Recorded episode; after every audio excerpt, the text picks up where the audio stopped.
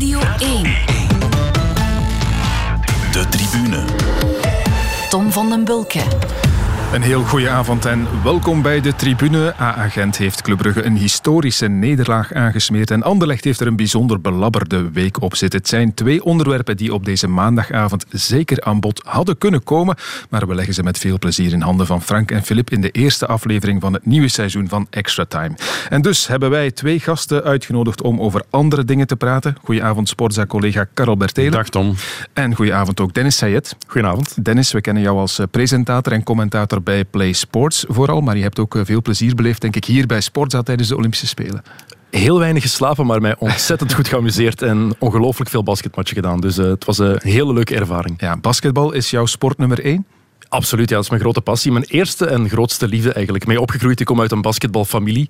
Dus mijn vader heeft gespeeld, onkel gespeeld, mijn broer speelt. En ja, dat zit in het bloed blijkbaar. Ja, maar je hebt wel een brede interesse. Het gaat verder dan uh, basketbal alleen hè, bij jou. Ik ben een Vlaming, dus ik heb niet veel keuze nog ergens. Nee, nee, sowieso, dat zit er wel in. En uh, ja, voor Play Sports doe ik niet anders dan het voetbal volgen, Formule 1 volgen, het veldrijden onder andere. Dus um, dat is geen probleem. Dat hebben we graag hier in de tribune. We gaan over van alles praten en we gaan beginnen met de momenten van de week. En eerst uh, dat van jou, Dennis. De terugkeer van Cristiano Ronaldo naar het oude nest, naar Manchester United.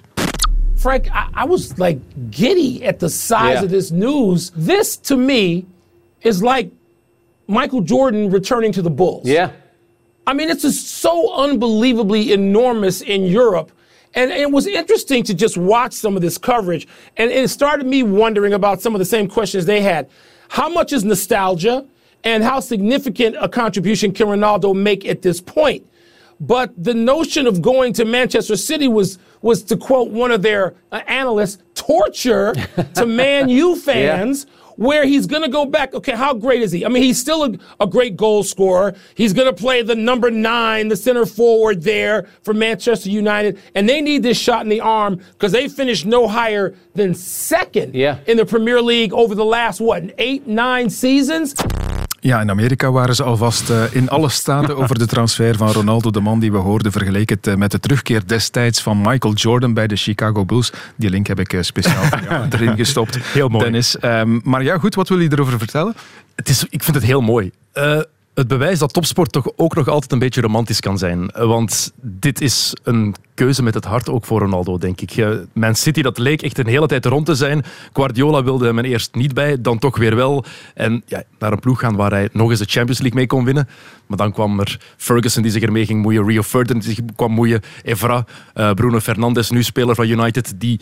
Ze, ja, Ronaldo bleef bestoken met berichten en uiteindelijk heeft hij gewoon gekozen voor de ploeg van zijn hart. En blijkbaar heeft hij ook heel vaak gevraagd aan zijn ex-ploegmaats en aan Sir Alex Ferguson: als ik naar City zou gaan, wat zou dat betekenen voor mijn legacy? Wat zou dat betekenen voor later als ik stop met voetballen? Wat zouden de supporters van United daarvan vinden?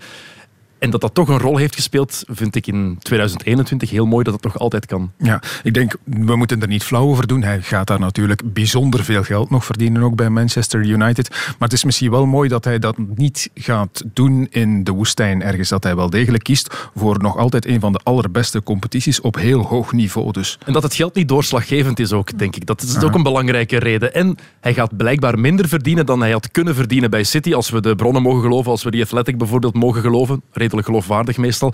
Dus dat zegt ook wel iets, denk ik. Tuurlijk gaat hij veel geld verdienen, maar hij heeft ook al veel opgeleverd. Hè. Ja. Wat is het? United is in de één dag 250 miljoen. De waarde van United is in één dag met 250 miljoen gestegen. Alleen al. Ja, zo zegt al wat. het dan, inderdaad. Nu, um, de vraag is welke bijdrage gaat hij leveren bij Manchester United? Want we hoorden de man inderdaad ook vragen, is het uh, uit nostalgie of is het omdat hij uh, ja, echt nog die doelpunten gaat maken die United nodig heeft om eindelijk nog eens kampioen te worden? Hij is 36, maar hij is uh, nog altijd uh, in het lichaam van een 26-jarige, denk ik. Hè? Ja, het is wel mooi trouwens. Het is Mike Wilben die we hoorden. Dat is een uh, ervaren basketbaljournalist, vooral, vooral in de States. Um, dat hij over voetbal praat, vind ik heel, heel schattig eigenlijk ergens. Maar dat is, ik denk dat het eigenlijk vooral belangrijker gaat zijn naast het veld. United heeft een redelijk jonge ploeg. Ze hebben daar nu Rafael Varane van Real Madrid overgenomen. Bruno Fernandes heeft al wat ervaring. Maar als je kijkt wat daar rondloopt met Rashford, met Greenwood, met Jadon Sancho. Heel wat jonge gasten. De kapitein is Maguire, is ook nog altijd maar 25 denk ik. En hij gaat in de kleedkamer echt wel voor een professionele mentaliteit kunnen zorgen. Je zei het al, hij verzorgt zichzelf als geen ander. Het is zoals LeBron James in de NBA, die geeft een miljoen dollar per jaar uit enkel en alleen aan de verzorging van zijn lichaam. Ronaldo is een even grote freak. Het is quasi de perfecte atleet. Dus ik denk dat dat op dat vlak het belangrijkste gaat zijn. Die mentaliteit die hij, die hij nog in die ploeg kan pompen. Mhm. Volgens mij gaat dat belangrijker zijn nog dan wat hij op het veld kan doen. Werkt het ook niet een heel klein beetje omgekeerd? Hadden ze bij United ook niet meer, het is een Vlaams woord, goesting om hem terug te pakken? Dan bij City hij een beetje de vedette zou zijn? Bij City was het volgens mij ook meer, als je hoort, als je luistert naar alle getuigenissen, Pep zei het ook, hè, Cristiano Ronaldo die kiest zelf waar hij naartoe gaat. Als hij wil komen, mag hij komen. Bij United was het, je gaat toch niet naar City gaan? Ja, voilà. Kom je wel naar ons? Voilà. Dus ik denk inderdaad dat ze hem daar nog liever wilden dan bij City. Ja, je noemt daar de namen allemaal op, eh, Dennis. Ook nog eh, Varane en Sancho inderdaad gehaald. Bij dat wat er al allemaal was, is nu op dit moment eh, United toch niet zeker. Op zijn minst evenveel titelfavoriet als City en Liverpool. Misschien zelfs nog meer. En je vergeet Chelsea. En Chelsea. Chelsea. Chelsea Ja, is in mijn ogen eigenlijk titelkandidaat nummer 1 in Engeland met de ploeg die zij hebben. Maar ja, ze horen zeker in dat rijtje thuis. De vraag is alleen, hoe gaan die jonge gasten zich profileren? Greenwood is 18 jaar, Sancho is 21. Die heeft nu zijn eerste basisplaats dit weekend gehad. Daar was hij niet goed in. Ik denk dat het heel hard nog zoeken nog gaat zijn naar wie gaat daar de rol blijven spelen. Vorig jaar was het allemaal via Bruno Fernandes. Die controleerde wat er gebeurde. Hij was de centrale pion. Gaat het lukken als Ronaldo gaat spelen? Hoe gaan ze spelen in de spits? Gaat het Ronaldo zijn als nummer 9? Cavani loopt daar rond. Gaat Rashford fit zijn? Die is nog altijd geblesseerd. Dus toch wel wat vraagtekens achter die ploeg. En wat met Pogba gaat die nog blijven? Dat middenveld, daar heb ik nog altijd niet echt een goed oog in. Dus dat is nog een vraagteken. Want offensief is het geweldig. Defensief nu ook beter. Maar op het middenveld spelen ze voorlopig met Pogba. Dat is absoluut de top daar natuurlijk. Maar daarnaast met Fred of met Matic. Dat is niet goed genoeg voorlopig, denk ik, als je effectief in een competitie als de Premier League de titel wil pakken. Maar titelkandidaat, dat zeker wel. Nu, als je Cristiano Ronaldo zegt, beste Dennis, dan zeg je ook nog altijd Lionel Messi. Dat gaat zo blijven, denk ik, tot de dag dat ze er echt mee gaan stoppen, die twee.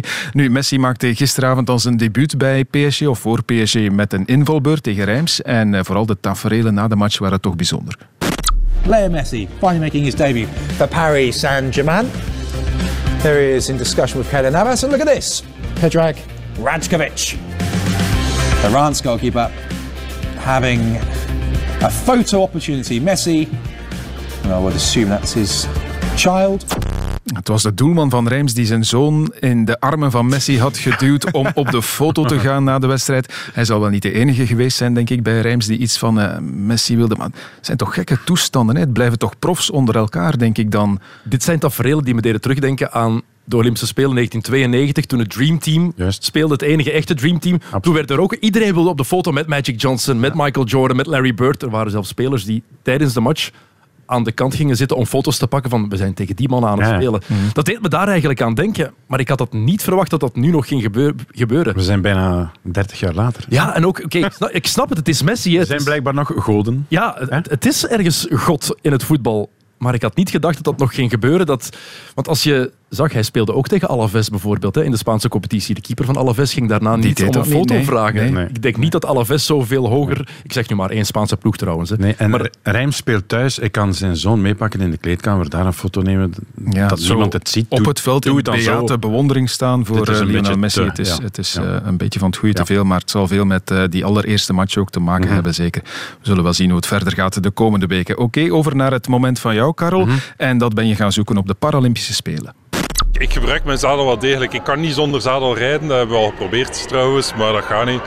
Maar toch, eh, het is kwalificatie. Het is verschrikkelijk. Het was uiteraard eh, voor dit, eh, dus de individuele achtervolging, dat ik naar hier gekomen was. Dat ik vijf jaar aan het werken ben. Mijn niveau was gestegen, beetje bij beetje. En alles kwam perfect samen. Ik voelde mij ook supergoed om nog die finale te rijden. En dan plots, ja, disqualificatie. We hoorden Ewout Vromand gedisqualificeerd voor de finale van de drie kilometer achtervolging omdat hij zijn fietszadel zogezegd niet correct gebruikt had tijdens de kwalificaties. Kwalificaties waarin hij nota bene het wereldrecord verpulverd had. Ja. Karel, ik vond dat hij al bij al nog redelijk oké klonk in dat fragment. Wel, ik was meer van mijn melk Ja. dan hij. Echt waar. Ik was vorige week nog met vakantie, dus ik ben een paar dagen vroeger opgestaan om wat in te halen, lezen en, en mijn fichebak van de koers en zo. Dus ik had om zeven uur het nieuws gehoord, het ochtendnieuws gehoord, met die eh, disqualificatie. En er was toen op dat moment nog niet echt een reden waarom. Dus ik dacht heel die voormiddag, maar wat is er nu gebeurd? Ik heb dan de sportzaal opgezet, geluisterd naar eh, iedereen proberen te contacteren. En dan hoor je dat hij niet op zijn zadel zat. Dat kan niet, hè. Sorry. de- en de manier waarop, zeg dat dan tegen eh Ewout in de finale. Als je zo blijft rijden in de finale, krijg je geen medaille of, of gaan we jou moeten doen stoppen. Zeg dat dan, verwittig die is. Leg dat uit, wat er scheelt. Maar toch niet op die manier. En toch niet tegen iemand die ja, met één been rijdt, hè, jongens. Allee, dat, die manier van... Hij kan bijna niet anders dan op die manier rijden. En natuurlijk zit hij wel op zijn zadel. Maar ik vraag mij af, ik duik even in het hoofd van die, eh, dat jurylid. Hoe kijkt hij daarna? Is dat drie kilometer lang? Kijken of hij op zijn zadel zit of niet? Dat kan niet, want als je op de piste staat, is er een stuk waar je de renner niet ziet. Dus ik denk, mijn god, hoe kan dit de dag van vandaag op die manier iemand disqualificeren? Zou het zo'n technische discussie zijn als bij bijvoorbeeld snelwandelen? Ik zeg maar wat. De, Ja, dat is de, nog zoiets, de, slappe grens tussen Amai. net lopen en toch een rode wandelen. kaart als, Ja. je, als je dan toch met je twee voeten samen op de grond... Maar hij reed blijkbaar al jaren in deze positie Maar rond. En er dus- was nooit een probleem geweest. Voilà. En er is ook geen klacht gekomen van iemand anders. Dat vind ik ook raar. Want dat zou een basis kunnen zijn om de discussie aan te gaan en dan eventueel hem te verwittigen en, en dan te zeggen van eh, op die manier kan het niet. Ehm, je, je, je doet iets verkeerd, oké, maar leg dat dan uit. Zeg dat dan ook. Maar toch niet op die manier dan die finale afnemen van iemand die net een wereldrecord heeft gereden. Ja, en Ja, ze dat wereldrecord is hij toch ook kwijt. Zijn gouden medaille echt waar, ook. Echt waar. En dan inderdaad, wat je dan daarnet zei, ik ben nog, nog meer in verwondering gaan staan voor de manier waarop hij dat van vertelt. Dus zondag stond er dan in de krant dat hij aan de telefoon met zijn dochter toen wel brak, omdat hij vroeg, heb je geen goud, papa? Mhm. Ja, dan is het natuurlijk wel om te breken. Maar dan op dat moment zo inderdaad sereen nog je kunnen ja, met die situatie omgaan en het uitleggen. Want hij moest het uitleggen aan de journalisten, want die wisten ook niet wat er gaande was. Nee, echt waar. Ik, vind, ik vond dat verschrikkelijk. Echt. En dat als je daar inderdaad eh, jarenlang hard voor Jongens, hebt, jongens, dat is jongens. eh, en dan vijf jaar voor knap. iedereen nog eens. Ja. Dus ook voor de Paralympische atleten. Maar man, nee. nee. Goeie nieuws. Karel, is hij krijgt nog kans op een revanche en die komt er snel aan trouwens. Vannacht, hè, vannacht mag Ja. hij die tijdrit rijden op de weg. Ik denk dat hij super gemotiveerd gaat zijn. En hij moet alles van de tabellen rijden. Een wereldrecord en verpulveren en iedereen naar huis rijden. Ja, echt waar. Ik, ben, eh, ik, ben, ik was echt er een beetje van aangedaan dat dat nog zo kan gebeuren. Nee, eh, Ja, we Sorry. wensen het hem in elk geval toe Zeker in weten. eh, de tijdrit op de weg. Ewout Vromand. De tribune. Ja, de tribune met twee basketbalcommentatoren in de studio. Dan kan het bijna niet anders dan dat we ook over basketbal gaan praten. Ja, geëindigd tweede in die groep. Eh, gespeeld eh halve finale. Eigenlijk twee, twee kansen op, op een medaille. Ehm, en gepakt ze allebei niet. Heel jammer. Eh, langs de andere kant, we zijn eh, als, als ja, amateurploeg top 4 Olympische Spelen. Ik denk dat we, dat we heel trots mogen zijn op wat we bereikt hebben. Eh, maar je wilt meer natuurlijk. Hè. Het Belgische 3 tegen 3 basketbalteam eindigde vierde op de Olympische Spelen en werd bedolven onder de lof. Maar vorige week kwam dan de standaard plots met minder heugelijk nieuws op de proppen. Want wat bleek, in 2019 zijn er 27 fictieve 3 tegen 3 toernooien georganiseerd en zogezegd gespeeld geweest, die ervoor moesten zorgen dat een Belgische ploeg in aanmerking kwam voor een kwalificatietoernooi voor de Spelen. Nog korter gezegd, er is wat geprutst geweest via de computer, waardoor de Lions zich konden proberen te plaatsen voor Tokio. Zo klopt het toch, denk ik. Dennis, ehm, we zijn een week na dat nieuws. Klopt het wat allemaal verschenen is? Ik probeer daar nog altijd heel voorzichtig in te blijven, maar het ziet er niet goed uit. Als we kijken naar wat de standaard allemaal heeft geschreven, zeker het, de tweede, het tweede artikel dat er volgde, zorgde echt wel voor verduidelijking, die ook nodig was na het eerste dat, eh, dat geschreven was. En ja, dan lijkt het er echt wel zo op. En je kan effectief ook op de site van de FIBA, van de 3x3, van 3x3, kan je gewoon ook kijken naar de toernooien die georganiseerd zijn. Je kan daar ook effectief alle deelnemers terugvinden. Ehm, er zijn, ik weet van hieruit, heel wat mensen ook al gecontacteerd. Ik heb zelf ook wat mensen gecontacteerd die ik ken, ehm, of die ik via via ken. En die zeggen mij ook allemaal van ja, ik heb daar niet gespeeld. Eén iemand woonde zelfs niet in België op het moment dat, een van, dat die toernooien georganiseerd werden waar hij meegespeeld zou hebben. Hij zegt ook tegen mij, of ze zeiden, de mensen die ik gecontacteerd heb, zijn inderdaad gecontacteerd door Nick Celis of ze ons profiel mochten gebruiken. Dus dan ziet het er allemaal niet echt heel goed uit. Ehm, er is natuurlijk ook wel een, een loophole in het systeem, om het zo te zeggen. Het systeem was helemaal verkeerd, dus dat is ook wel de verantwoordelijkheid van de FIBA, van de, de er was basketbalorganisatie. een aparte puntentelling. Hè? Ja, die, die puntentelling. Je moet, het feit dat je dat gewoon ook kan doen, dat is eigenlijk het grote, het grote verschil. Hè? Want je zag dan ook eh, de standaard dat dat bericht en ook het laatste nieuws, dat zij gewoon een e-mailadres hadden aangemaakt om zelf eens te kijken, kunnen wij ook zo'n toernooi organiseren? Is dat gewoon zo simpel? En eh, blijkbaar is dat effectief gewoon zo simpel. Dus er zat een groot probleem, of er is een groot probleem met het systeem en de verantwoordelijkheid ligt vooral bij de FIBA. Maar het is niet aanvaardbaar natuurlijk als je effectief gewoon toernooien hebt verzonnen om te kunnen deelnemen aan Mhm. kwalificatietoernooien. Was het voor eh, België anders een- onbegonnen zaak om te kunnen meedoen aan zo'n kwalificatietoernooi? Met andere woorden, niet om het goed te praten, maar ze hebben het niet zonder reden gedaan. eh. Nee, ook, het wordt ook, moet ook wel bijzeggen, het blijft knap wat ze gedaan hebben hè, op de Spelen. Die vierde plaats die was helemaal verdiend op de Spelen als we naar die prestaties kijken. En ze hebben hun kwalificatie ook afgedwongen in die toernooien. Nu, er waren twee kwalificatietoernooien. Het eerste toernooi waar ze aan meegedaan hebben in Graas hebben ze niet gewonnen. Daar hebben ze geen kwalificatie kunnen afdwingen. En daar hebben ze blijkbaar die fraude voor gepleegd. Als het klopt, is dat voor dat toernooi geweest. Want het toernooi waar ze zich gekwalificeerd hebben in Debrecen was een kleiner toernooi. En daar mochten enkel landen aan deelnemen die geen basketbalploeg hadden op de twee afgelopen Spelen. Wat ervoor zorgde dat er al 21 landen waren die niet mochten meedoen. En dat waren de grootste basketballanden. Servië, de USA, die mochten allemaal niet meedoen aan dat tweede toernooi. Servië was er gekwalificeerd. Amerika heeft niet meegedaan bij de mannen bijvoorbeeld. En die mochten ook niet deelnemen aan dat tweede toernooi, omdat de FIBA wil dat ook kleinere basketballanden de kans krijgen om mee te doen aan de Spelen. Dus de kans bestaat, of kans is groot. Dat is wat ik ook altijd heb gehoord uit mijn informatie, dat ze wel sowieso hadden mogen deelnemen aan het tweede toernooi, waar ze zich ook gekwalificeerd hebben voor te spelen. Dus hadden ze hun plek daar, als dat klopt, dan hadden ze wel hun plek op de Spelen. Maar het blijft wel dat die fictieve toernooien, als die georganiseerd zijn, dat dat wel gewoon foutief is. Vraag is, hoe moet het nu verder met deze zaken? Want de Belgische bond wijst dan met de vinger een beetje naar de internationale Mhm. basketbalbond, de FIBA. En daar hebben ze al aangegeven, denk ik, van eh, we gaan dit niet verder onderzoeken. Dus het, eh, ja, dat, Op eh, dit daar moment blijft het dan maar bij. Hebben ze hun handen daarvan afgetrokken. Hè? Ja, dus er is geen onderzoek. Hè? Ze hebben Op gezegd, dit moment. Ze hebben gezegd, er zijn te weinig bewijzen ehm, beschikbaar nu om nog verder onderzoek te voeren. Maar wat jij nu daarnet zegt, zijn toch bewijzen? Ja, kijk, zij vinden blijkbaar van Of niet. spelers moeten dan gehoord worden? Of, of willen Ik zou dat dat, en, ik, en als je logisch nadenkt, los van dit verhaal, als je zoiets als dit hebt, deze zaak, moet je dan niet net onderzoek voeren om helemaal zeker te zijn Ja. van het feit dat er wel of geen bewijzen zijn. Mhm. Nog eens, schuld of onschuld, gewoon als je objectief nadenkt, dan moet je toch net Ja. extra onderzoek voeren om te weten, oké, we kunnen die mannen helemaal vrijspreken of net niet, want nu hangt dit ook zo wat in de lucht. Hè. Dat is waar. Wat mij dan opviel, of waar ik aan dacht, ja, maar wat zeggen de tegenstanders? Je, moet, je kunt toch geen toernooi alleen organiseren met één ploeg? Er moeten toch scheidsrechters zijn die dat officieel dan als een toernooi kunnen inschrijven, ook in hun functie. Dat is allemaal fictief, dat is allemaal weg. Dat is allemaal Als het zo gemakkelijk is, Karel, als je gewoon effectief naar de website van de FIBA moet gaan en gewoon één e-mailadres moet invoeren en zo een toernooi kan inschrijven, want dan kan je volledig de Belgische bond buitenspel zetten, kan je daar volledig langs gaan. Ja, dan is het gemakkelijk. Dan moet je zelfs geen scheidsrechters Dan hebben. moeten we wel opletten dat het geen lachertje wordt, hè, de 3 tegen 3. Tuurlijk. Als, als, als sport, want als sport fantastisch. Hè?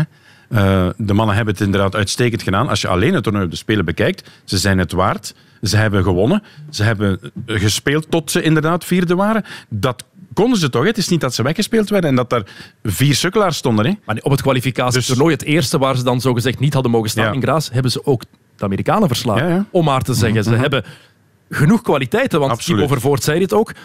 We hebben genoeg kwaliteit om effectief mee te doen Ja. aan de top. En dat is ook Dat het is geval. Ze zijn goed genoeg. Maar dat is ook belangrijk om te zeggen trouwens. Twee van de vier mannen die erbij waren op de Spelen, die waren nog geen lid van deze ploeg toen dit voorgevallen zou zijn. Die zijn er pas bijgekomen in 2020. Dit dateert eh, van net 19, voor hè?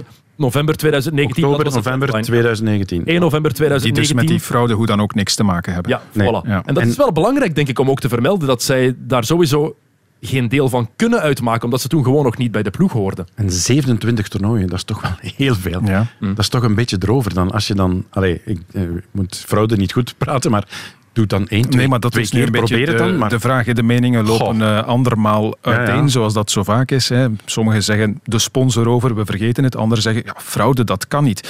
Ja, naar welke kant neigen jullie? Op dit moment gaat het er sowieso naar uitzien dat het ongestraft zal blijven. Er is Ja. geen verder onderzoek en uh, Tenzij uiteindelijk dat zal iemand het een eh, klacht vergeten indient, worden. Tenzij Dat- iemand misschien een klacht indient. Dat ja. zou nog het enige verschil kunnen maken eh, als de, de klokkenluider waarover geschreven wordt, ook als die nog een klacht zou indienen, wat nog altijd kan, Ja. dan gaat dit misschien nog meer gevolgen hebben. Eh, maar als je ook ziet, er zijn ook andere landen die ook wel wat loesje dingen gedaan lijken te hebben. Want je kan dat ook onderzoeken van de andere landen. Als je kijkt, de Filipijnen, Ja. die hebben ook deelgenomen aan dat tweede toernooi. Die hebben tussen 11 oktober en 1 november, het is een hele korte periode, Ja. 14 toernooien or- georganiseerd. Met allemaal dezelfde namen. En dan in Qatar hebben ze tussen 4 oktober en 1 november 10 toernooien georganiseerd. Ja. Ja. Dus wij Belgen waren niet de enige die die loophole gevonden hebben En in eh, dat de praat- website van de FIBA. Dat praat het waarschijnlijk dat praat het niet goed, Nee. maar Nee. het plaatst de dingen wel in perspectief. En ik denk dat dat belangrijk is om Mhm. het volledige plaatje nog beter te kennen. Wat hebben de andere landen ook gedaan? Hoe zat dat met wat zij? Hebben zij ook gefoefeld of niet? Praat het dat goed? Nee. Mhm. Nee, nee. Maar het zorgt er wel voor dat je misschien een beetje anders kijkt naar het hele verhaal. Maar het kan nu niet meer gebeuren, zeker. Hè? Er is ingegrepen. Ze hebben de kleine toernooien minder waard gemaakt. Ah, Dus je kan nu minder punten verdienen bij kleine toernooien. Je kan ze nog organiseren, maar je hebt er gewoon minder aan. Mhm. Nee, ja. Hadden Ja, ze een jammer, hè. medaille gewonnen, die eh, Ja, dan- drie tegen drie lines. Ja, wat was daar dan gebeurd? Het Dat, was eh, niet onverdiend geweest. Nog eens, hè. het was nee, het niet had gekund onverdiend en het was niet onverdiend geweest. Absoluut. Daar discussieert ook niemand Nee, over, denk nee. ik, over hun verdiensten Nee. op de Olympische Spelen. Maar stel, ze pakken een medaille, ja, dan eh, moeten ze die finale misschien toch nog afgeven. Want dan gaan er wel klachten komen natuurlijk. Tenzij dat effectief blijkt dat ze gewoon hadden kunnen deelnemen aan dat tweede toernooi, ook zonder die fictieve toernooien. Want dan maakt het niet uit. Dan is het gewoon heel onnozel dat ze dat gedaan hebben, want dan maakt het effectief geen verschil of ze nu die toernooien vervalst hadden of verzonnen hadden of niet. Dus dat, is, dat maakt het erg extra dubbel. Hè? Dat er dan niet zo dieper gegraven wordt, is dat ook dan niet zo'n beetje van het is toch maar het kleine broertje, we zullen het maar zo zo laten, laat ze maar nog een beetje... Maar zou het ook niet gewoon zijn dat de. FIBA weet dat zij gewoon een fout, Een systeem fout hebben hadden? gemaakt, ja. gewoon een fout systeem hadden. Niet alleen een fout gemaakt hebben, dat zij één... Niks, want als, jij, als je denkt in de, ah, je probeert in de hoofd van de FIBA te kruipen, er wordt een toernooi georganiseerd. Hoe dom ben je dan om niet naar de Belgische bond, al is het een mail te sturen, Juist. is daar een toernooi. Voilà. Sturen jullie hier een controleur Ja, naartoe? ook. Dat is toch standaard, Ja. lijkt mij. Eh, Maar scheidsrechter ook toch? Ja, tuurlijk. voilà. Dat is toch- Dus dat is mijn vraag ook. Eén Allee. controleur zou toch... En we kunnen zeggen, we kunnen het op de Belgische bond steken. Ehm, ik vind dat ergens wat te gemakkelijk, want ik vind dat als het effectief het systeem is dat je die bond kan omzeilen, dan ligt de verantwoordelijkheid daarvoor bij de FIBA, Ja. in mijn ogen. Ja, juist. Ja, het WK van volgend jaar wordt gespeeld in De uitgerekend Groenplaats. Antwerpen, op de Groenplaats inderdaad. Ja, hangt daar dan straks een beetje een smet aan of eh, niet? Ik vraag me af wat de bond hiermee gaat doen, want zij gaan hier wel zwaar aan tillen ook natuurlijk. hè. Gaan zij, als dit bewezen wordt, of als ze ervan uitgaan dat dit effectief waar is, en ik, nog eens, het ziet er zo naar uit, als we afgaan op de berichten die, die we nu en de info die ik ook heb, dan ziet het er niet goed uit. Gaan zij die ploeg ook afstraffen? Gaan zij de hele ploeg bestraffen? Gaan zij voor een nieuw team zorgen? Er gaan al geruchten de ronde dat ze dat al voor de Spelen wilden doen, dat ze een combinatie wilden met ook effectieve Belgian lines van de gewone basketbalploeg. Gaan ze dat helemaal doorvoeren? Het is ook een WK in eigen land, dus dat vraag ik me echt af wat ze daarmee gaan doen. Het zag er allemaal zo mooi uit. Hè? hè? Alles was, was bijna roze geur en maneschijn. Hoe ze, het het verhaal, hoe ze er geraakt waren, zonder hè, het, het slechte element dan. Dan het feit van zo ver door te breken. En dan inderdaad van... En straks EK in Parijs, dus Ja. mensen kunnen er naartoe. En dan vooral het WK in eigen land.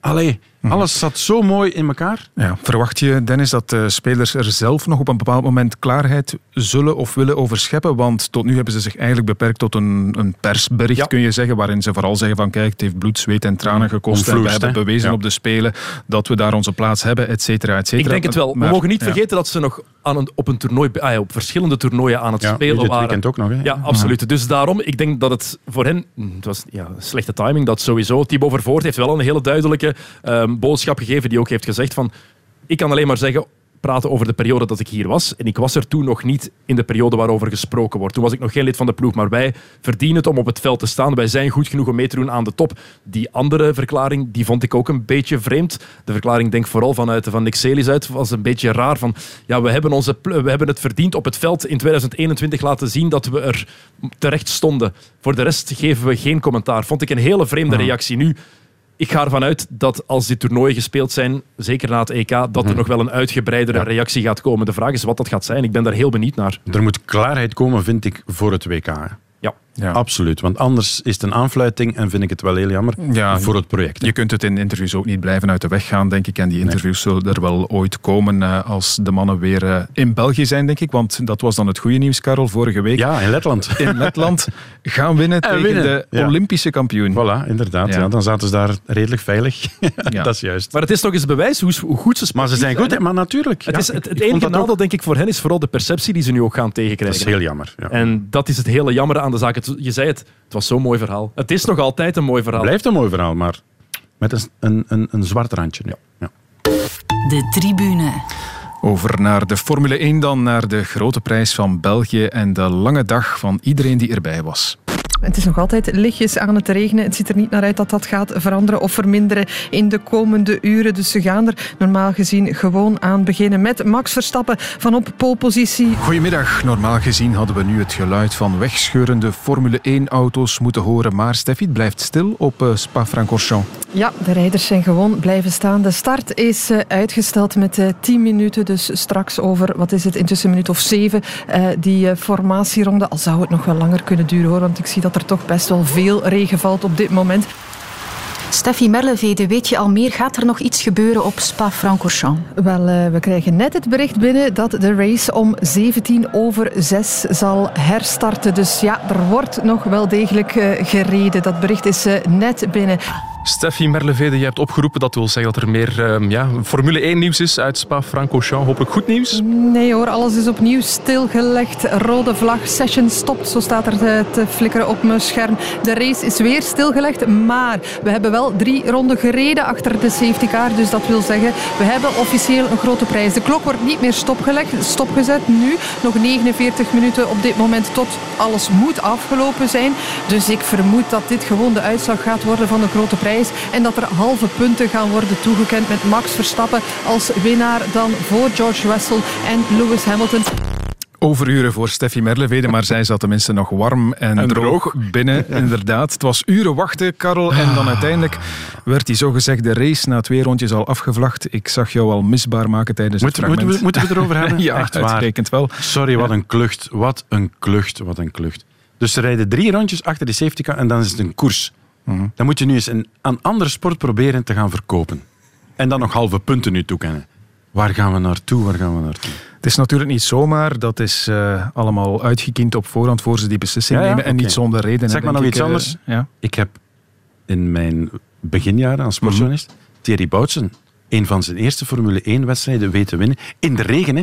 Dat was de, de regenspecialist. Regen. Waarom rijden ze niet in de regen? Omdat deze wagens blijkbaar lager bij de grond zijn waardoor sowieso meer water opspat. En ook de banden zijn zo veranderd dat er meer water weggaat van die banden, wat ervoor zorgt dat die spetters, dat er gewoon veel meer water in het gezicht van de achterliggers komen. Daarom was er ook maar één man die zei... Ik zie goed. Ja, ja. Dat is Max Verstappen, want die reed als eerste. Zeg, dus dat is dan de moderne evolutie van uh, Er komen nieuwe wagens. Die, Volgend jaar komen er nieuwe wagens, dus misschien wordt het dan anders. Maar er is in Brazilië, wat is het, vier, vijf jaar geleden, heeft Max Verstappen daar nog een waanzinnige race gereden. Ja, natuurlijk. En, en, ingehaald nog eens. Dus er wordt gereden in de regen, maar het was nu blijkbaar gewoon echt, echt ja, te erg. Het was hemeltergend, echt waar, om te zitten. Je zegt daar die halve punten. Dat is, de regel is blijkbaar als er minder dan 75% van de geschatte race wordt gereden, ah, ja. dan worden er halve punten toegekend. En ja, nu drie rondjes. Maar drie rondjes, dat is toch dat is geen sport meer, hè, jongens, kom aan. Het is vooral dat is, toch, dat is toch een voetbalmatch beginnen en zeggen, uh, als je één keer over en weer loopt met de bal, ja, het is gedaan, het is 0-0.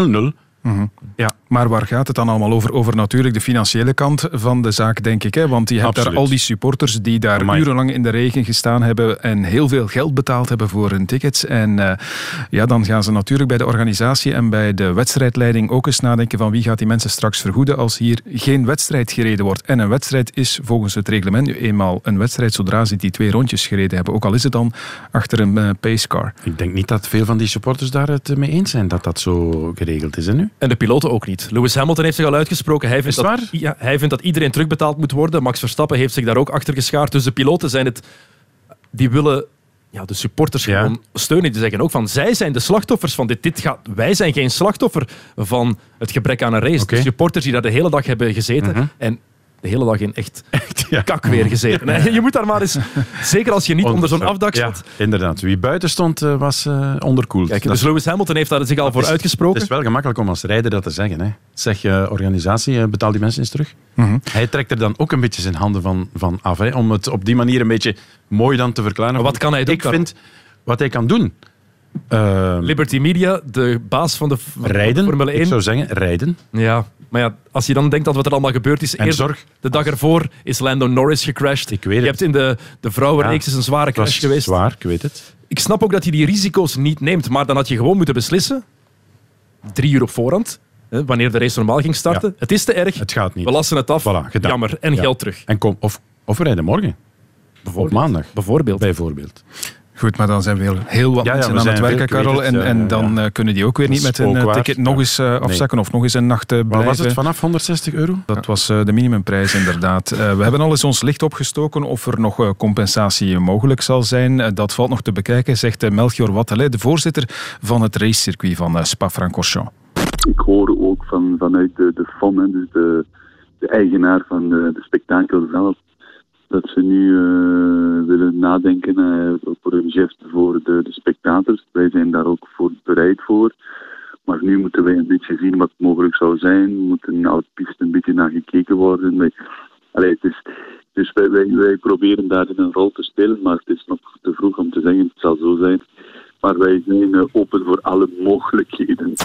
Ja, ze gaan eh, wellicht nog een beetje naar elkaar kijken eh, als het op dat betalen aankomt. Dat moeten we dan Op maar de zien. lange baan schuiven. Ja, maar het klopt in elk geval wat eh, Dennis zei, Karel. De auto's zijn wel degelijk dusdanig veranderd in de loop Ja, der jaren, jammer. waardoor het eigenlijk inderdaad eh, er niet gemakkelijker op geworden is om in de regen te rijden. Je rijdt echt eh, tegen een muur van water aan voor je en dan is het gewoon heel moeilijk om eh, ja, die zichtbaarheid nog een beetje te behouden. Ik moet wel toegeven, als je dat ziet vanuit de auto's, was het Ja. inderdaad zo. En het was dan nog achter de safety car, dus niet op volle snelheid. Hè.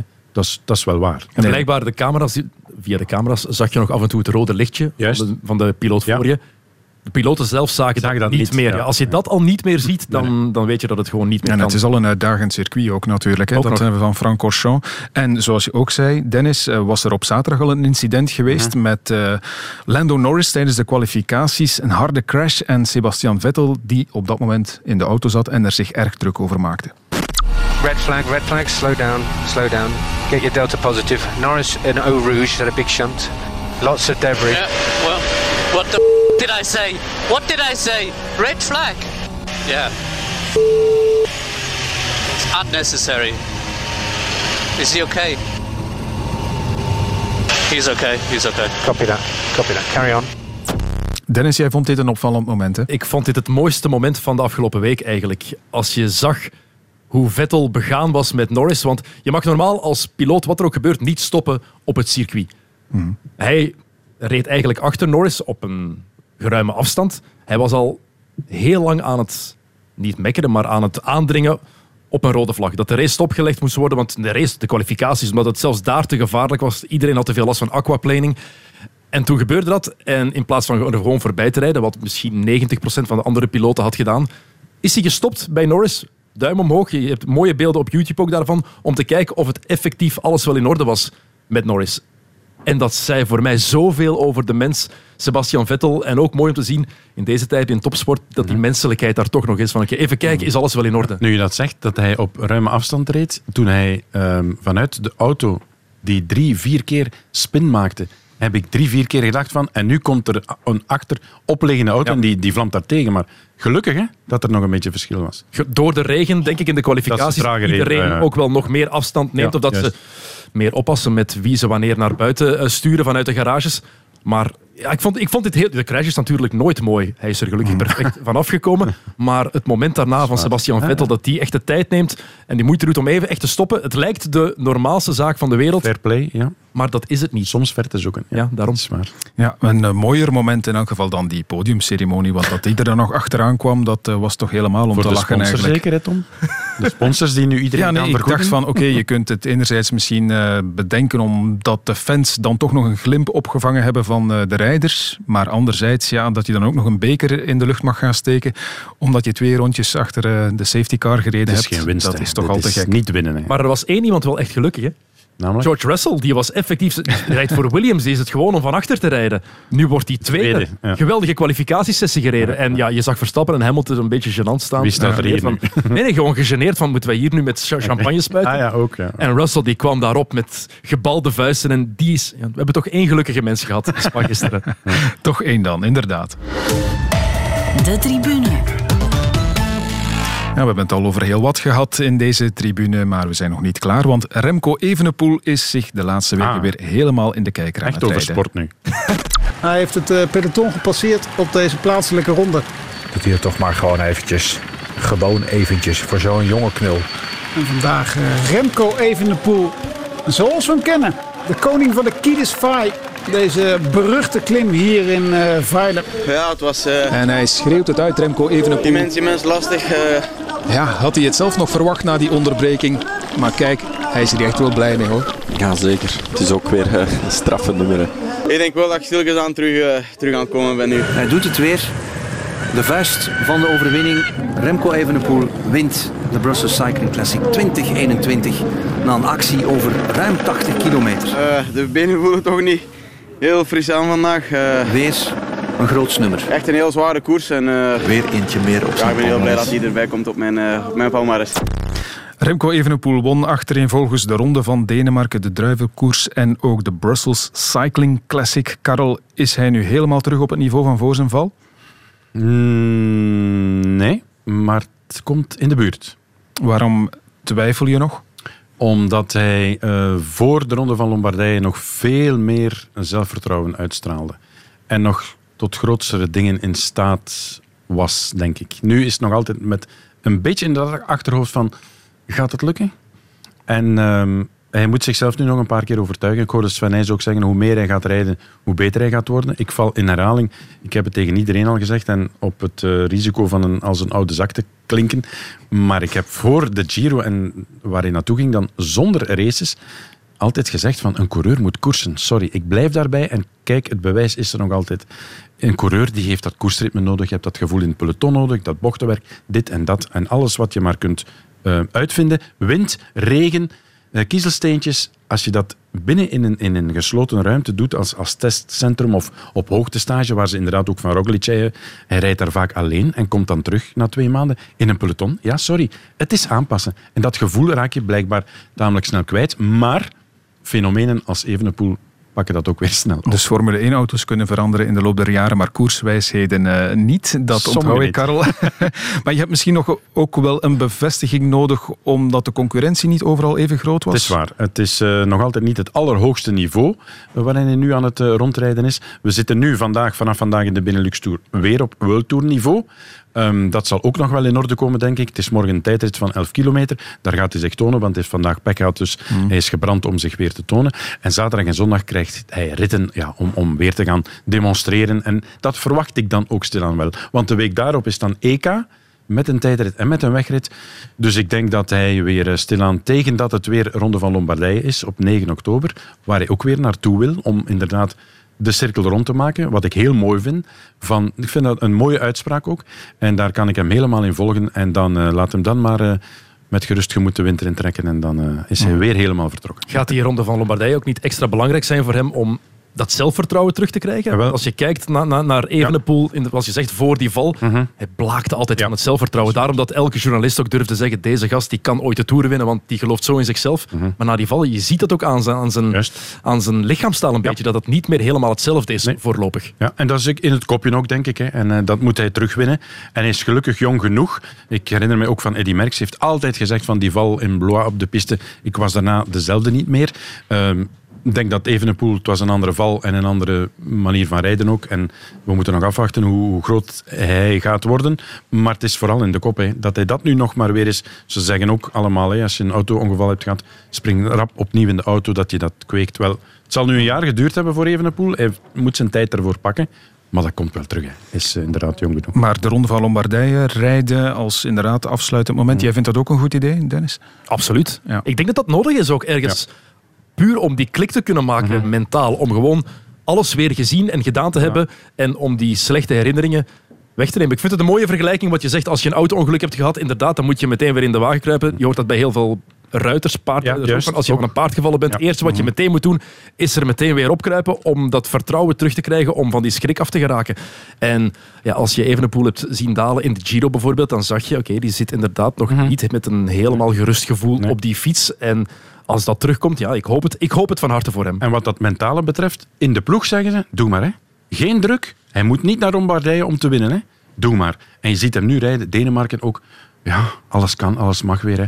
Ja, maar over het mentale gesproken, Karel, die druk op hem moet toch weer bijzonder groot geweest zijn. Niet alleen de druk, maar ook het eindelijk weer het gevoel hebben van Ja, ik ben stilaan weer de oude. Als je zag hoe hij na de druivenkoers in tranen uitbarst, dat wil toch iets zeggen. Hè? Dat is niet omdat hij de druivenkoers Nee. gewonnen heeft waar hij al in zijn leven van droomt. Nee, dat, is omdat er andere dingen spelen. Voilà, en alles wat daarvoor gebeurd is. En ik denk af en toe ook thuis, want hij zegt dat nu af en toe is. Ze hebben met mij veel miserie gehad en zo. Dat is omvloerst om te zeggen. Ik denk dat er af en toe wel eens een glas gesneuveld is. En dat hij als jonge gast tegen de muren oploopt. Natuurlijk, als jonge kerel.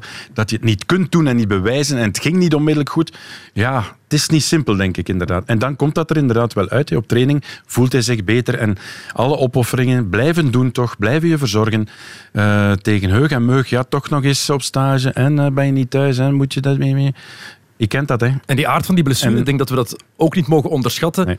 Ook voor het mentale. Want je hebt hem te horen zeggen, een paar millimeter scheelt het of ik was verlamd geweest. Juist. Ik kan me wel inbeelden dat je daar soms s'nachts van wakker wordt. Of dat je daar effectief aan zit te denken van stel je voor dat het zeker anders in, was geweest. in die lange periode waar hij heel veel tijd heeft gehad om na te denken. Ja, ja, het zal wel eh, inderdaad hard binnengekomen zijn. Ja. Er komt nog een Europees kampioenschap aan, maar we zitten toch vooral met dat WK al in ons hoofd. Mhm. Eh, eind september in Leuven, in en rond Leuven, Karel. Ehm, ja, er wordt nu nog wat schimmig gedaan rond de WK-selectie, de al dan niet WK-selectie van Remco Evenepoel. Hoe moeten we dat eh, kaderen? Ik zou daar nog weinig problemen over maken. Ja, want de bondscoach heeft een aantal certitudes, het zijn er niet veel. Hij heeft eh, Wout van Aert als kopman al aangeduid.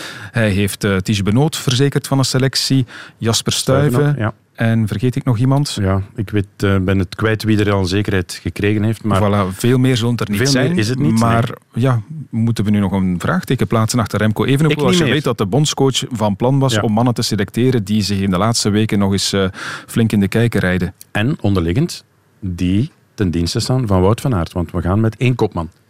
En daar is misschien nog waar het schoentje wringt, durf ik dan met een slechte geest even denken van, Mhm. wil Remco werken voor Wout? Is er dan dit niet meer mogelijk voor Remco? Schaduwkopman. Ja, hij gaat zonder druk dan naar dat, als hij mee mag, gaat hij zonder druk naar het WK. Oké, hij moet werken voor Van Aert, wat ik trouwens ook helemaal terecht vind als je kijkt naar wat voor, wat voor seizoen Van Aert weer gehad Mhm. heeft.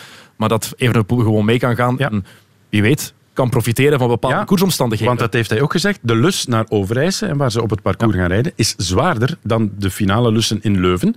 Dus dat hij dan maar koers maakt in en rond Overijse en daar de boel doet ontploffen. En we zullen wel zien wie er mee gaat. Hè. En als hij dan mee kan in de finale, waar Wout hem een heel klein beetje heeft gemist op de Spelen, dat kan hij misschien op die manier, als José de Kouwer hem een beetje prikkelen en zeggen van Remco, en nu mee in Leuven en mee met Wout. En dat Wout dan toch nog iemand bij zich heeft. Dus ja... Maar stel, eh, Evenepoel wint nu ook eh, de Benelux Tour. Kan nog, oké, vandaag pech gehad. Daar hebben we het straks nog wel even over. Maar ehm, ja, als hij zijn vorm blijft bevestigen en tonen en in ja, bloeiende conditie blijkt te zijn, ook op het EK, moet eh, Van Toerenhout dan vasthouden aan een eenkopman? Of moet hij toch Ik volg Dennis. voor twee daar man nu in. gaan? Ja, nee, nee. Nee. Nu niet meer veranderen. Het is Wout. En hoe goed Evenepoel ook is, des te beter. Hè? Des te beter. Het kan alleen maar de ploeg dienen dat we inderdaad met mannen in vorm naar het WK gaan. Het kan alleen maar ons te goede komen. Het lijkt mij mentaal ook echt het slimste om te doen. Gewoon. Hij weet ook, als je, als je Evenepoel nu weer kopman maakt, of tweede kopman, dan leg je weer zoveel druk op die jongen. En als er één ding al duidelijk is gebleken, is dat dat genoeg gebeurd is de afgelopen maanden en het afgelopen jaar. En ook voor Wout, hè? Ja. Ook voor Wout, duidelijkheid. Ja, absoluut. Nee, nee, absoluut. Alles voor de duidelijkheid eh, zou ik zeggen. Maar er zijn nog wel wat plaatsen vrij in die WK-ploeg. Heb je daar al over nagedacht? Wie, Mhm. Ja, ik wie ga moet er nog bij? Misschien een rare naam lanceren, maar ik zou heel graag hebben dat Ben Hermans mee mag. Ja. Ik vind dat Ben Hermans al eh, de enkele keren die hij meegegaan is naar een eh, WK of met de nationale ploeg, altijd een ploegspeler was. Het is een jongen die goed kan klimmen, die goed in de groep ligt, een intelligente jongen.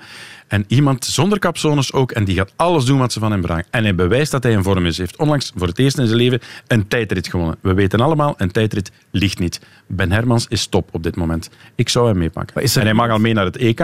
Dat is al een beetje een, een, een bewijs van dat dat een jongen is die erbij hoort. Maar voor de grote massa is Ben Hermans een onbekende jongen. Hè. Is er iemand, nog maar één Belg, Belgische render, die mee zou gaan en niet voor Wout zou willen werken? Lijkt me van niet. Dat denk ik niet. Nee, nee, nee. nee, dat denk ik zo duidelijk, denk nee, ik, dat Wout de kopman moet zijn. Zelfs Greg van Avermaat en Philippe Gilbert, denk ik, als, als we namen moeten noemen en zo. Enfin, straks hebben we er te veel natuurlijk. Er mogen er maar, Mhm. Ja, maar er zijn veel kandidaten. Ja, maar er zijn veel kandidaten. Maar ik zou ook Het is in eigen land ook nog, hè? Ja, Ja. dat is bijkomende motivatie. Maar vooral mannen in vorm, hè, jongens. Mannen in vorm.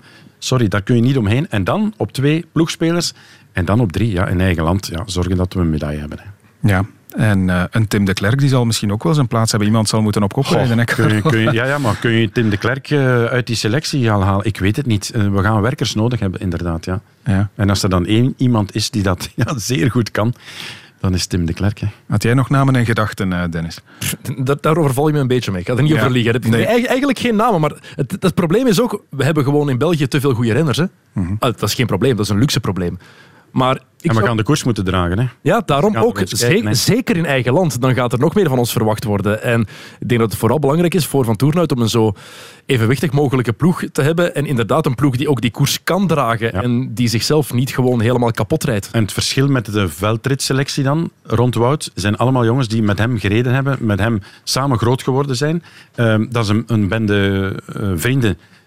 Je zit met andere insteek natuurlijk voor de wegselectie. Dat is iets anders. Dus dat... En veldrijden is ook meer man tegen man. Ja, ja, juist. En het ver- mm, gemakkelijk niet de taak van Sven van Toernout om, om de acht juiste namen dan bijeen te krijgen. Oké, we zullen er in de komende weken ongetwijfeld Maandag nog weten we het. voort over debatteren. Ah, maandag weten we het al. Maandag is de selectie. Oké, dan eh, krijgen we dus die klaarheid en kunnen we er volgende week in de tribune s'avonds absoluut. over praten. Ja. Voilà, dat is al mooi meegenomen. Nu nog even over die Benelux-tour, tour, liever, die vandaag begonnen is, eh Karel.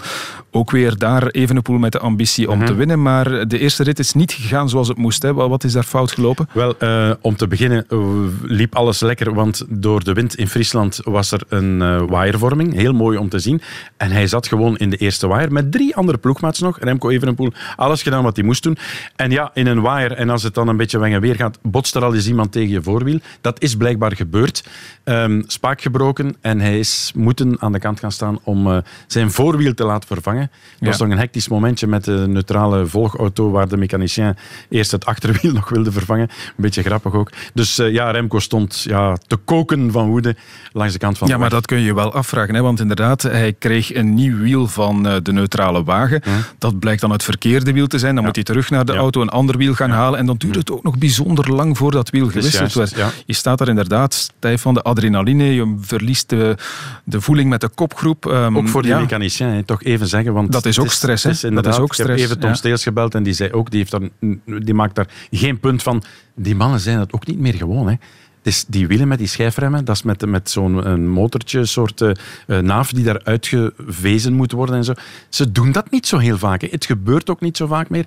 En ja, die man was ook een beetje over zijn toeren, denk ik. En, eh, maar goed, ja, het zijn eh, koersincidenten. En ik geloof dat de groep nu met eh Evenepoel op 57 seconden is binnengekomen. Dus het is nog geen verloren zaak. Het zijn nog zes ritten. Hè. Evenepoel heeft zich wel eh, boos gemaakt. Zich boos eh, gemaakt? ook na de finish nog. Matje, ik zit gewoon in de groep. Hij komt zo achter schuin in de groep. Hij moet niet weglopen zeggen, je moet die fout doen bekennen. Waar ga je nog lachen in mijn bakkes of wat? Hij ging eh, verhaal halen bij Gianni Vermeers. Ehm, ja, was, was boos. Hij wou dat Vermeers een fout toegaf, maar die, die moest daar niet veel van weten. Nee, Eh, die reed weg en eh, een beetje al lachend met een monkellachje ook en zo. En, en richting zijn ploegmaat die dan gewonnen had, Tim Merlier. Toch maar ook even zeggen dat Tim Merlier weer de rit heeft gewonnen, toch? Eh, achtste zege van het seizoen voor Merlier al, dus een schitterend seizoen. Ja, en, en ja, Evenepoel wilde verhaal halen en ik kreeg een beetje lik op stuk. Altijd slecht idee ook om dat meteen na een wedstrijd te doen. Maakt niet uit of het nu koers is of voetbal of basketbal. Meteen na een match verhaal gaan halen. Zit je nog zo vol adrenaline. En zeker wat jij dan net zei, Tom. Als je dan die val hebt gehad en je hebt moeten wachten. En nog frustratie en nog frustratie. En, dan nog... Nog altijd 21 jaar. Hè. Ook al. En wat er is, morgen kunnen ze dat niet uitpraten.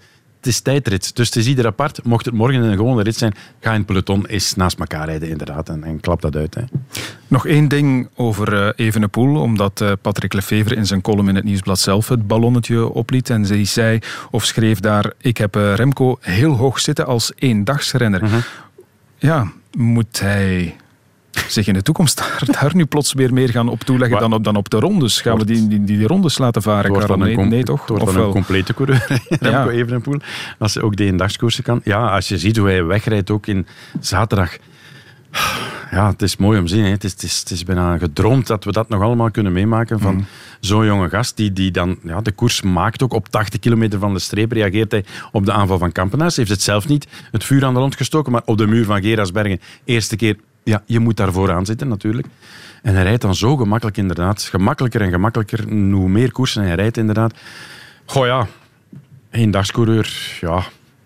Maar ja, zeker. Maar we hebben er genoeg. We hebben genoeg goede eendagscoureurs in België. Dat is totaal niet onrespectvol bedoeld, maar we wachten toch al zo lang op die goede ronde-renner. En het ding is vooral, we zeggen het al langer, van Evenepoel kan de Tour ooit winnen. Dat wordt ook al langer gezegd.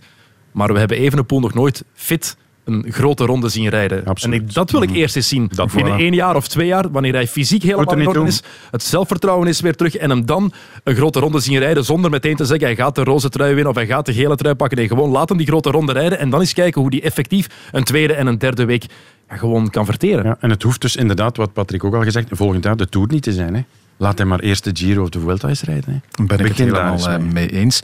Ehm, nog één ding over de Benelux-tour. We Ja. doen het daar zonder Mathieu van der Poel. Mhm. Moeten we ons wat zorgen maken over eh, Mathieu van der Poel richting het eh, WK, richting Parijs-Roubaix? Ik heb de indruk van wel. Ja, het wordt moeilijk. Het wordt heel moeilijk. Mathieu is nog altijd niet aan het trainen op een fatsoenlijke manier om weer te koersen en koersfit naar een wedstrijd te gaan. Dat is nog altijd niet het geval. Hij gaat morgen op onderzoek, nog eens, om die rug te laten checken. En dan zullen we misschien vanuit de ploeg weten eh, hoe het programma eruit ziet. Maar voorlopig, en ik had even Adrie aan de lijn, ziet het er niet goed uit. En Adrie pusht niet, maar laat wel zijn mening ventileren in die zin van cancel alles, ga rust nemen en zorg dat je fit aan het crossseizoen kunt beginnen. Want welke Mathieu van der Poel zouden we ook krijgen? Ja, als het een halve is, zoals Adrie ook zegt, moet hij niet starten. Tuurlijk niet. Dat vind ik ook niet. Want, er ligt ook zoveel druk op Mathieu van der Poel. Want hij gaat daar zelf ook niet met om mee om kunnen. Nee, het is zo'n winnaar. Het is iemand die nog... Ik ken weinig coureurs die Ja. zo hard elke race, elke wedstrijd willen winnen waar ze aan meedoen als Zeker Mathieu van der Poel. En als je daarmee praat, dan voel je dat ook meteen van... Oké, dit is, deze gast zit toch een beetje anders in dan heel wat andere topsporters. Nog meer gefocust op, ik moet alles pakken. Ja. En die zou zich niet kunnen inhouden. Dus ik denk ook dat het gewoon ongezond voor hem zou zijn, Voilà. fysiek, als die tegen 50% zou rijden. Maar zou de dan blijft dat eh, aanslepen misschien. ja. En dat moet weg. Maar zou de mindset van Mathieu van der Poel ook al zo ver zijn dat hij denkt aan oké, dit was het dan voor dit jaar? Want het WK, Karel, Ja, als je kijkt naar het parcours, het is quasi voor hem gemaakt. Natuurlijk, ook, ja, zeker weten. Maar hij gaat nog voorlopig niet mee in het verhaal van Adrie. Dus eh, hij geeft er nog niet op toe. Maar ik denk, morgen zullen we meer weten als er inderdaad een probleem is met die rug. Ja, dan moet hij natuurlijk eh, een beetje de conclusie trekken en, en zichzelf inderdaad zijn gezondheid laten voorgaan. hè. Ja, en het is niet alleen dat WK, het is ook nog eh, Parijs-Roubaix. De week erop, ik weet Ja, het. Maar als hij het WK niet rijdt, gaat hij Parijs-Roubaix ook niet rijden. Ja, maar je weet toch hoe lang het al geleden is dat we nog een editie van Roubaix gekregen hebben, hè, Karel? Eh, 2019, hè? 2019. Philippe ja. Gilbert, hè? Philippe Gilbert. Die En van 2001 won Voor Niels Pollitt, ja. Om in de regen. Mhm. Daar denk ik aan voor Parijs-Roubaix. Ja. Mag eens een natte editie zijn. Ja. En dan zijn er weer risico's op valpartijen en zo. Dus dan moet Mathieu dat risico niet nemen. Nee. Parijs-Roubaix, ja, Karel, daar kijk jij ook naar uit, denk ik. Amai. Eh, De motor, Ja. die heb je ook al een tijdje moeten missen op de Lekker kassein cruisen. van het ja, noorden. dat is zeker waar. Dat is zeker waar. Dus ja, ja, zeker iets om naar uit te Maar kijken. iedereen kijkt er toch naar uit. Het blijft nog Ja. altijd, ik blijf het onbegrijpelijk vinden dat hij dit jaar niet is mogen doorgaan. Mhm. Ehm, met alle respect voor de maatregelen, het hoort erbij. Maar als je de Ronde van Vlaanderen perfect kan organiseren, dan kan je Parijs-Roubaix een week later ook perfect organiseren, lijkt me. Maar COVID was blijkbaar in de streek van de koers heel hevig aan het toenemen. Ja, blijf, allemaal, blijf, beetje alle- blijf schrik. allemaal binnen en laat die coureurs Ja, ze mogen al niet meer komen kijken door de kasseis. Da- daarom, daarom. Ik wil het nu wel eens weten, Karel. Je doet dit werk nu al zo lang Hm. op die motor zitten. Ja, welke koers is eigenlijk je lievelingskoers om te doen met de motor? Is dat inderdaad Roubaix, omdat je dan zoveel tegenkomt onderweg, zoveel dingen ziet? Ik ga een raar antwoord geven. Ja. Luik, Bastenaken, Luik. Atje, dat vind ik inderdaad eh, opmerkelijk. Ja, weet je waarom? Hoezo? Omdat je, ik kom maar één keer eigenlijk per jaar in Wallonië. Ja, is raar om te zeggen. En de heenrit, waar we dan nog geen uitzending hebben, van s morgens 10 uur naar s middags naar Bastenaken, is zo mooi van parcours. Is lastig ook, maar staat geen enkele helling op het parcours. Dus ze moeten al meer dan 100 kilometer rijden om in Bastenaken te geraken. En dan nog eens 150 terug, langs de bekende hellingen allemaal. En dat is zo'n mooie koers en zo'n mooie streek. Ja, ik geniet veel meer van Luik Bastenaken Luik, omdat die hellingen ook langer en breder zijn. Je kan er ook makkelijker met renners. En hier in Vlaanderen, ofwel ervoor ofwel erachter. Het is veel hectischer, veel nerveuzer. Natuurlijk heel plezant om te doen. Uiteraard elke koers op de motor. Maar voor mij persoonlijk, meest aantrekkelijke koers, Luik Bastenaken. Verrassend antwoord. Eh, Is het jouw favoriete koers om naar te kijken, Dennis, of kies je een andere? Parijs-Roubaix, altijd geweest. Van kleins af aan altijd in de ban geweest van, van Roubaix. De Ronde van Vlaanderen is magisch, maar Roubaix heeft nog dat tikkeltje meer, vind ik. Het zijn echt ja, die gladiatoren, echt. Hè, en die, die weersomstandigheden die het nog zoveel moeilijker maken. Altijd Roubaix. Het is nog even wachten op eh, die twee, zeker op Luik, Bastenaken, 3 Luik. Waar ja. kijk je deze week nog naar uit, Karel? Eh, nu straks 20 over 9. Het Schelde Peloton op Canvas. Oké, en jij Dennis? Waar ik naar uitkijk? Deze week op sportief vlak? Goeie vraag, waar kijk je naar uit deze week? Er is veel, hè? Er is heel veel. Eh, Memorial vrijdag. Eigenlijk naar de grote prijs van Zandvoort in Nederland. Die eh, begint, die is komend weekend. En Daar kijk, ik heel, kijk ik heel hard naar uit. En dan krijgen we hopelijk meer dan eh, drie rondjes achter de safety car. Dit was de tribune. Hartelijk dank om langs te komen. Karel Bertelen en Dennis Sayed.